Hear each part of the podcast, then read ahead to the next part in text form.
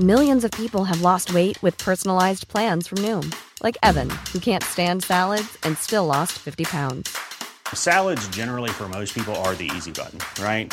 For me, that wasn't an option. I never really was a salad guy. That's just not who I am. But Noom worked for me. Get your personalized plan today at Noom.com. Real Noom user compensated to provide their story. In four weeks, the typical Noom user can expect to lose one to two pounds per week. Individual results may vary. Many of us have those stubborn pounds that seem impossible to lose, no matter how good we eat or how hard we work out. My solution is PlushCare. PlushCare is a leading telehealth provider with doctors who are there for you day and night to partner with you in your weight loss journey. They can prescribe FDA-approved weight loss medications like Wagovi and Zepbound for those who qualify. Plus, they accept most insurance plans. To get started, visit plushcare.com slash weight loss. That's plushcare.com slash weight loss.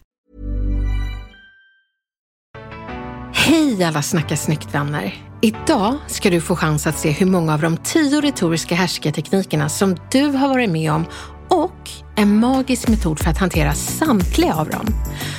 Och känner du en kollega som är snäll när ni ses, men ett litet tangentbordsmonster när hen mejlar? Då kommer du gilla tipsen som vi ger till en av er lyssnare som skickat in en fråga till segmentet Vad fan säger man?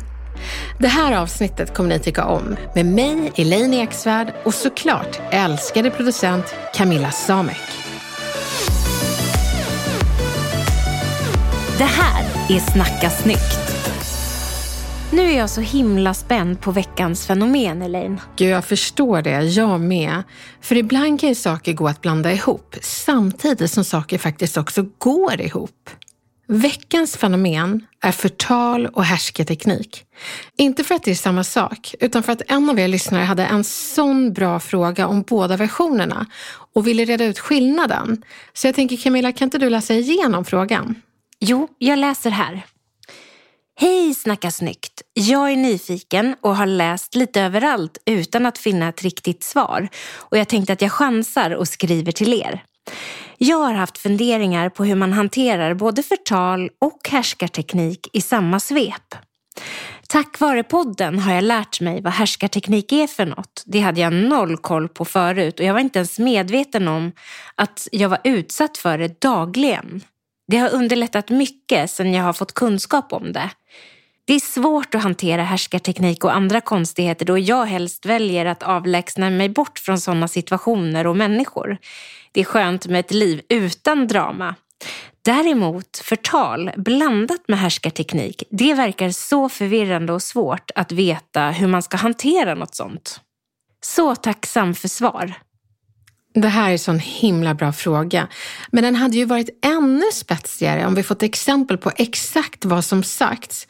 Så vi hade kunnat bena ut just den specifika situationen. Men eftersom vi pratar fenomen så gör det ingenting. Jag vill så gärna ge er en matig mikrobuffé av små, små rätter som ni kommer kunna känna igen direkt. Vad är den röda tråden i alla rätter som jag ska servera just nu då?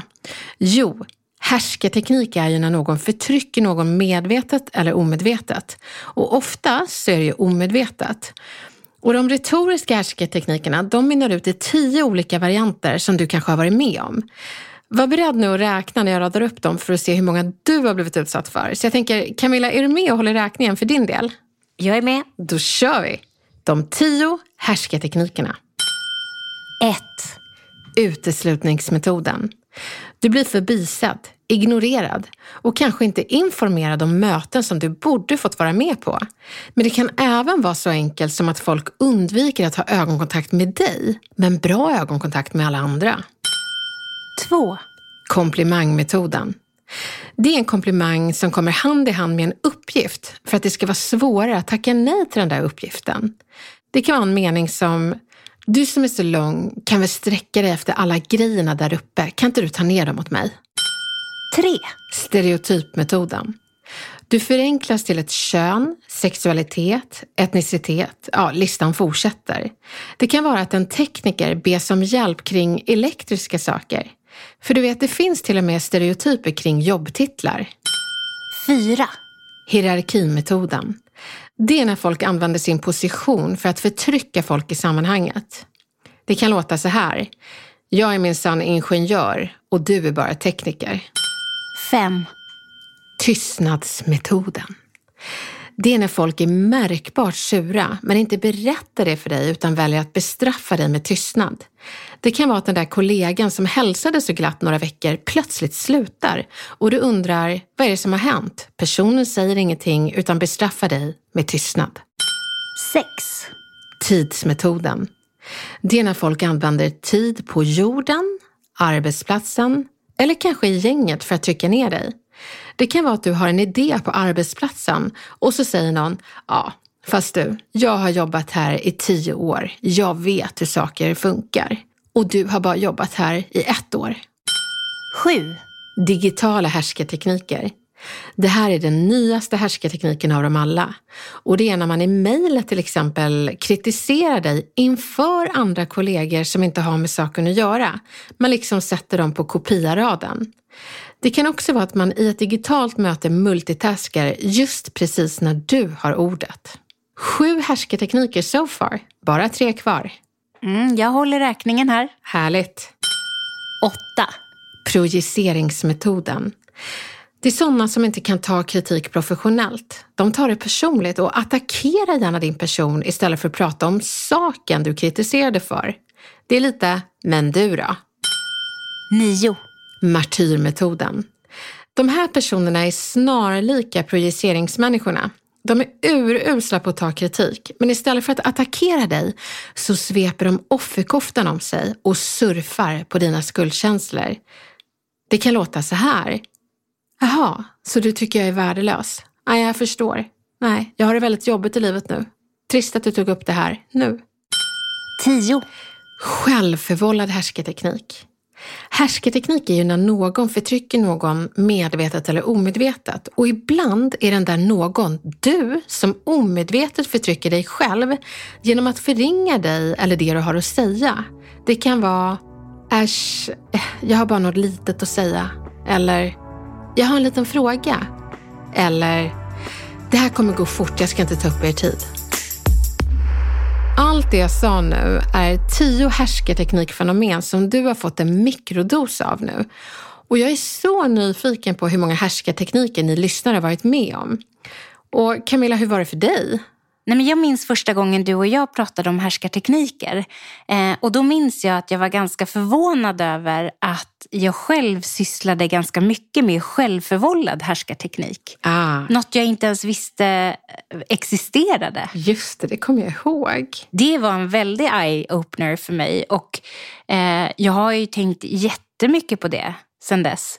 Ja. Och försöker verkligen eh, lära om. Ja, och sen så är det väldigt vanligt bland kvinnor just för att vi blir ofta bestraffade när vi är trovärdiga. Att folk liksom är sådär, men gud är du arg eller? Och man bara, nej, nej, nej, det var bara något litet, det vill säga. Ja, ska jag krypa under det här bordet och presentera förslaget så att inte du tycker att jag är för trovärdig. Förlåt. Där har man ju lust att säga, skit på dig. Du får ta att jag är tuff och trovärdig. Bajskorv. Så ska ni inte säga. Men så kan man tänka.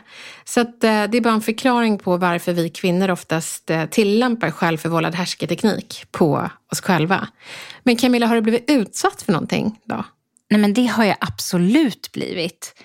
Komplimangmetoden är jag helt säker på att jag har blivit utsatt för någon gång. Ja. Och jag vet att jag tyckte det varit sjukt jobbigt när jag blivit utsatt för uteslutningsmetoden. Det har inte hänt så många gånger, men när det sker, då blir man varse. Den gör ont tycker jag. Ehm, ah, tystnadsmetoden har jag absolut råkat ut för. Nej, men man kanske har fått stå ut med lite av varje här. Ja, förmodligen. Men det fina är att när man får upp ögonen för fenomenen, då går det inte från det här att någon säger någonting i härskarteknikdagar, utan man ser liksom, det kommer som en grafisk eh, liksom, skylt när personen kör silent treatment, att man bara, ah, tystnadsmetoden. Och det ger en känsla av kontroll när man förstår vad som händer och inte bara känner att det händer. Nej men verkligen, jag tycker det är jätteskönt att veta, att ha kontrollen. Att nu vet jag faktiskt vad som sker. Men du då Elaine? Ja. Eh, retorikexperten som har skrivit böcker om härskartekniker och så vidare. Du slipper väl det här? Ja, det skulle man ju kunna tro och det är nästan så att jag önskar det. Men Jag är med om en härskarteknik. Den är väldigt markant i mitt liv när härskartekniker tillämpas och det är tystnadsmetoden och silent treatment. Och jag analyserade lite och jag tror att det är att folk vågar inte konfrontera mig. De tror att jag liksom ska ha svar på tal och sänka dem, så att då, då håller de tyst och surar istället. Och det är jättetråkigt för jag säger mest förlåt när någon berättar att jag har varit dum. Så eh, man ska veta det, att vill man eh, köra härskarteknik på en retoriker så är ju tystnadsmetoden oerhört effektiv. Och särskilt på mig som person också, för jag är otroligt ängslig över att folk potentiellt är arga på mig. De andra härskarteknikerna, de rör mig faktiskt inte om ryggen. Jag skiter i dem och sen så tror jag att jag är alldeles för disträ för att upptäcka om de liksom tillämpas. Och det är jag rätt glad för. Det är kanske också en metod, att, att inte vara så observant. Liksom rycker på axlarna-metoden. Hörni, nu blir det en lång shot tillbaka, för frågan var ju så himla bra. Hur hanterar man härskartekniker i kombination med förtal? Och svaret är att man inte hanterar dem i kombination med någonting alls, utan samtliga härskartekniker hanteras isolerat. Och det gör de bäst med att man speglar situationen. Och vad betyder det? Jo, det är att man bara helt neutralt berättar vad som landade dåligt. Det kan vara att personen säger att det du gjorde var märkligt. Då kan du bara spegla situationen och säga, du sa märkligt. Hur menar du med det? Det kan vara att personen inte bjuder in dig på ett möte och då kan du spegla det och säga, du jag noterar att inte jag blev inbjuden på det här mötet. Var det något skäl till det? Eller? Så du är nyfiken. Spegla situationen. Dra neutralt upp vad personen har sagt eller gjort och fråga, hur menar du med det? Den här hanteringen fungerar för precis alla härskartekniker. Visst är det bra? Och om de är som du som ställde frågan sa, kombinerade med ett förtal.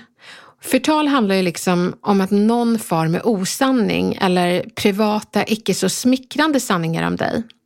Då ska härskartekniken ändå hanteras isolerat från förtalet. Och det är av ett mycket enkelt skäl.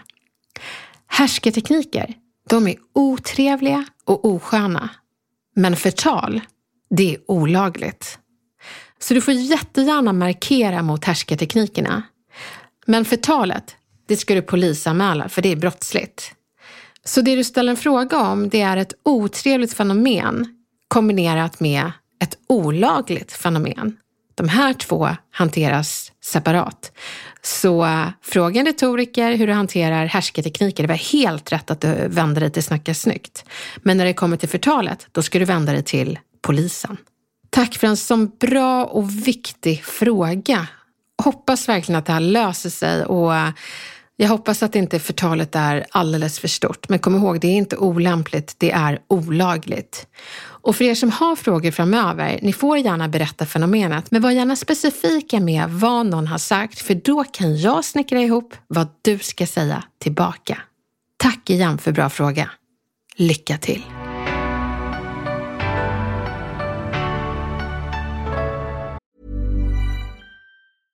Hiring for your small business? If you're not looking for professionals on LinkedIn, you're looking in the wrong place. That's like looking for your car keys in a fish tank. LinkedIn helps you hire professionals you can't find anywhere else, even those who aren't actively searching for a new job but might be open to the perfect role. In a given month, over 70% of LinkedIn users don't even visit other leading job sites. So start looking in the right place. With LinkedIn, you can hire professionals like a professional. Post your free job on linkedin.com slash people today. Millions of people have lost weight with personalized plans from Noom. Like Evan, who can't stand salads and still lost 50 pounds. Salads, generally, for most people, are the easy button, right? For me, that wasn't an option. I never really was a salad guy. That's just not who I am. But Noom worked for me. Get your personalized plan today at Noom.com. Real Noom user compensated to provide their story. In four weeks, the typical Noom user can expect to lose one to two pounds per week. Individual results may vary. Alltså veckans kommunikationsknut är jag så nyfiken på. Den är knivig och jag, är, jag undrar så vad du ska svara på den. Ja, men den är så bra. Ska jag läsa? Ja, men gör det. Hej Snacka snyggt! Jag har en 13-årig dotter som inte vill städa sitt rum Och när jag städar, då hittar jag mitt smink och andra saker på hennes rum. När jag sen frågar henne, vad gör mitt smink på ditt rum? Då har hon inget svar mer än att hon inte har lagt det där.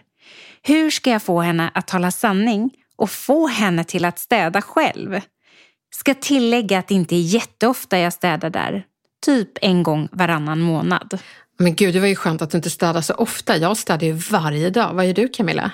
Nej men kanske två gånger om dagen. Ja, det är nästan så att jag vill fråga, hur gör du för att din dotter ska städa alla andra dagar förutom de här, den här gången i månaden du städar? Det låter som en dröm. Men jag tänker inte underminera din fråga. Det vore så tråkigt om jag sysslar med mikrohärskartekniker utan det är klart jag ska svara på den. Sen måste jag säga Camilla, det är så jädra kul att det kommer in så här familjeretoriksfrågor. Ja, det är så spännande. Vardagsfrågor. Ja, och barn är ju liksom den svåraste målgruppen. Hur får man sina barn att erkänna fel? Det, det här är ju verkligen en kommunikationsknut att lösa upp. Att liksom få sina barn att förstå vinningen i att erkänna fel och kanske, jag vet inte, be om ursäkt.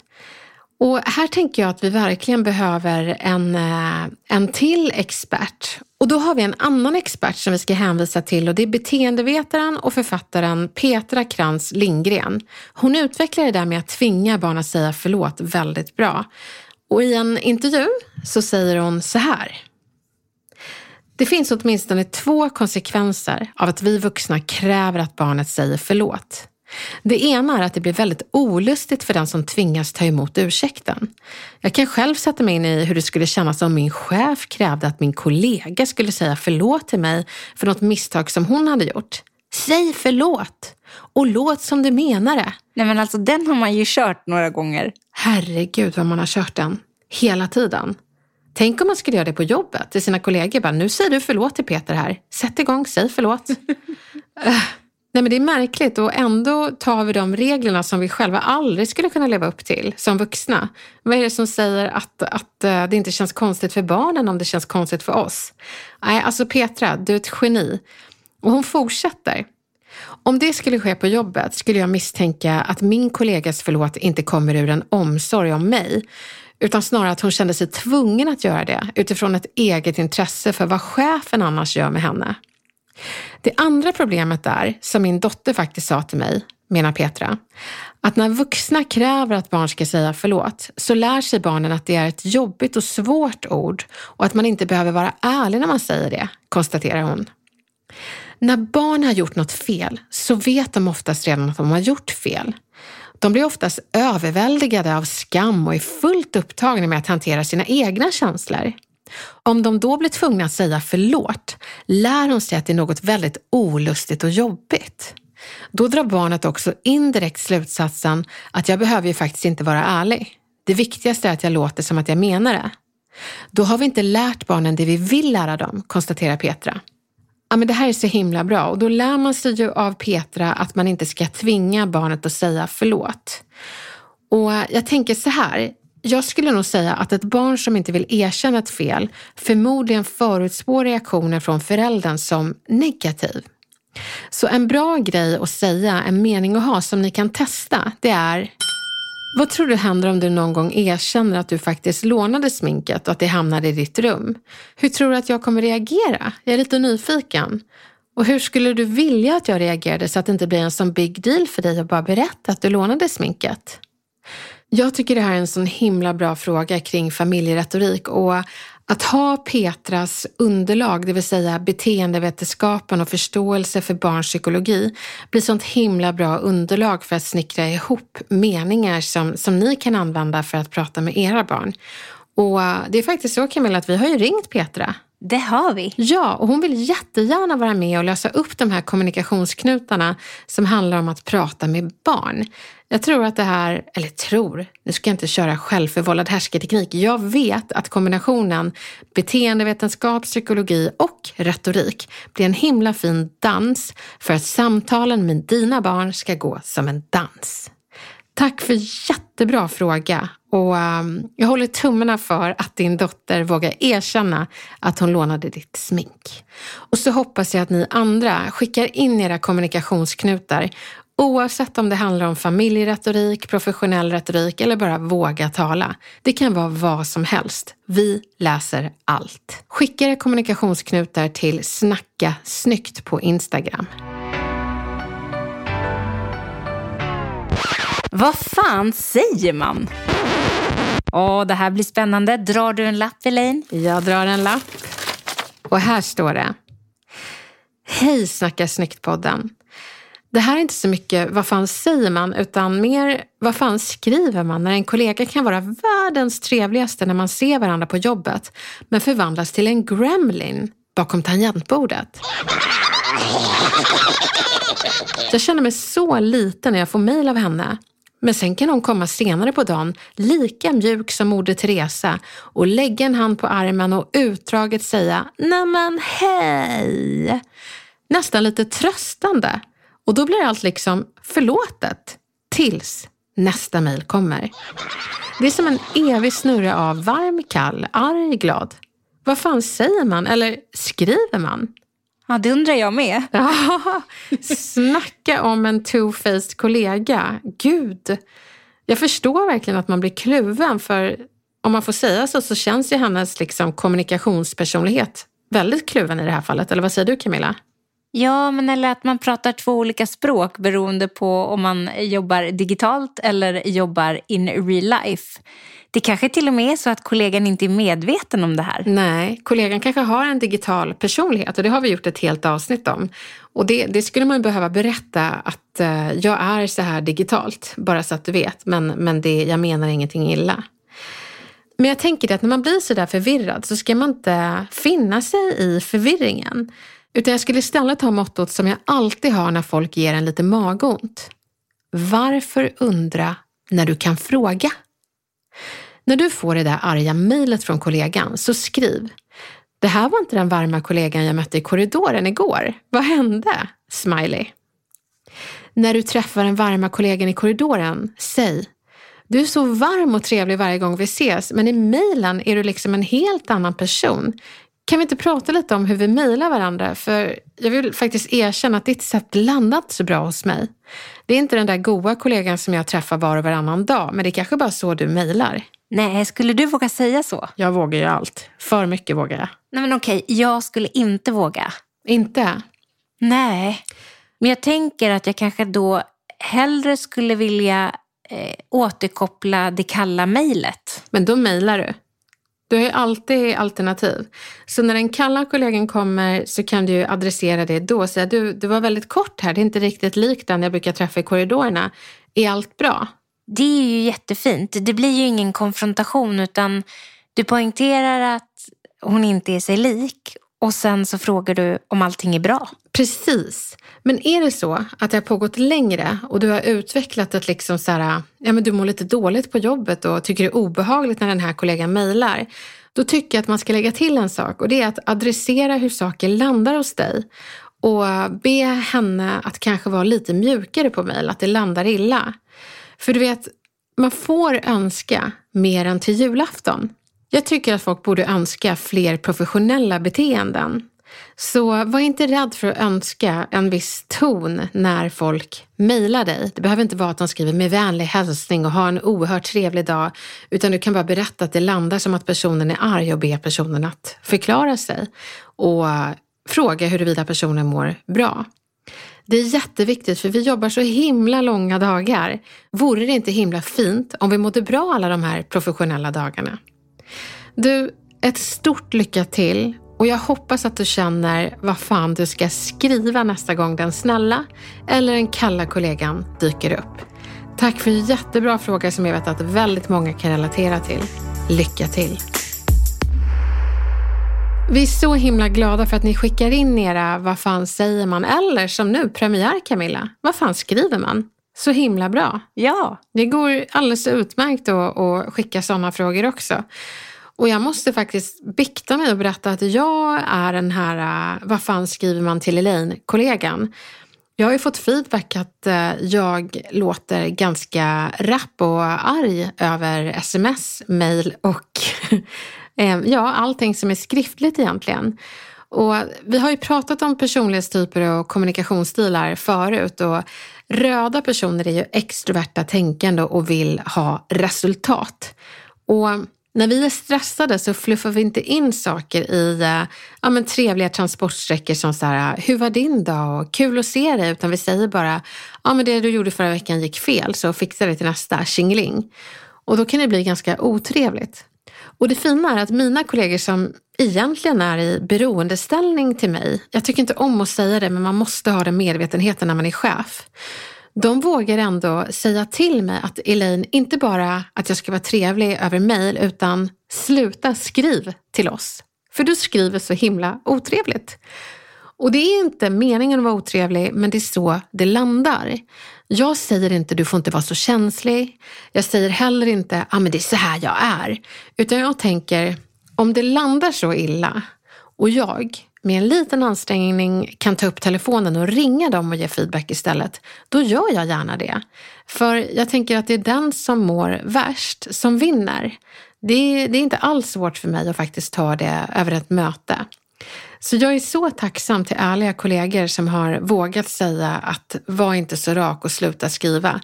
De vågar önska mer än på julafton utan de kan också önska på jobbet.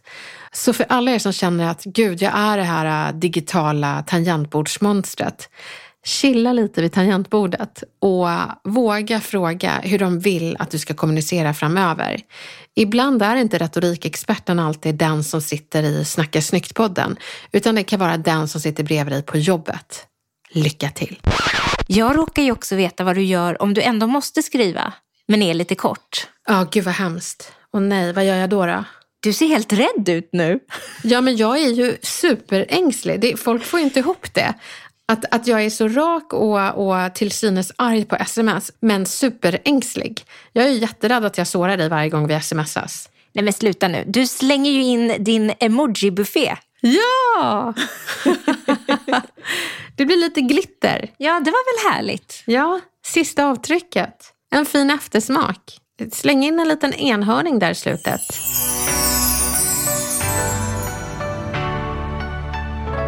Nu hoppas jag att du känner dig mätt på snittarna av olika härskartekniker i din vardag och att du har den där magiska metoden för att hantera samtliga. Vill du djupdyka i några av dem så har vi spelat in avsnitt tidigare på temat härskarteknik. Så spana in Snacka Snyggs lyxiga bibliotek av avsnitt så hittar du dem där. Och som alltid, när du känner dig kluven till en persons varma och kalla beteende, undra inte, fråga. Det är alltid lika kul att ge er verktyg för kommunikation i er vardag. Ta hand om er nu och använd verktygen som ni får varje vecka. Så hörs vi snart igen.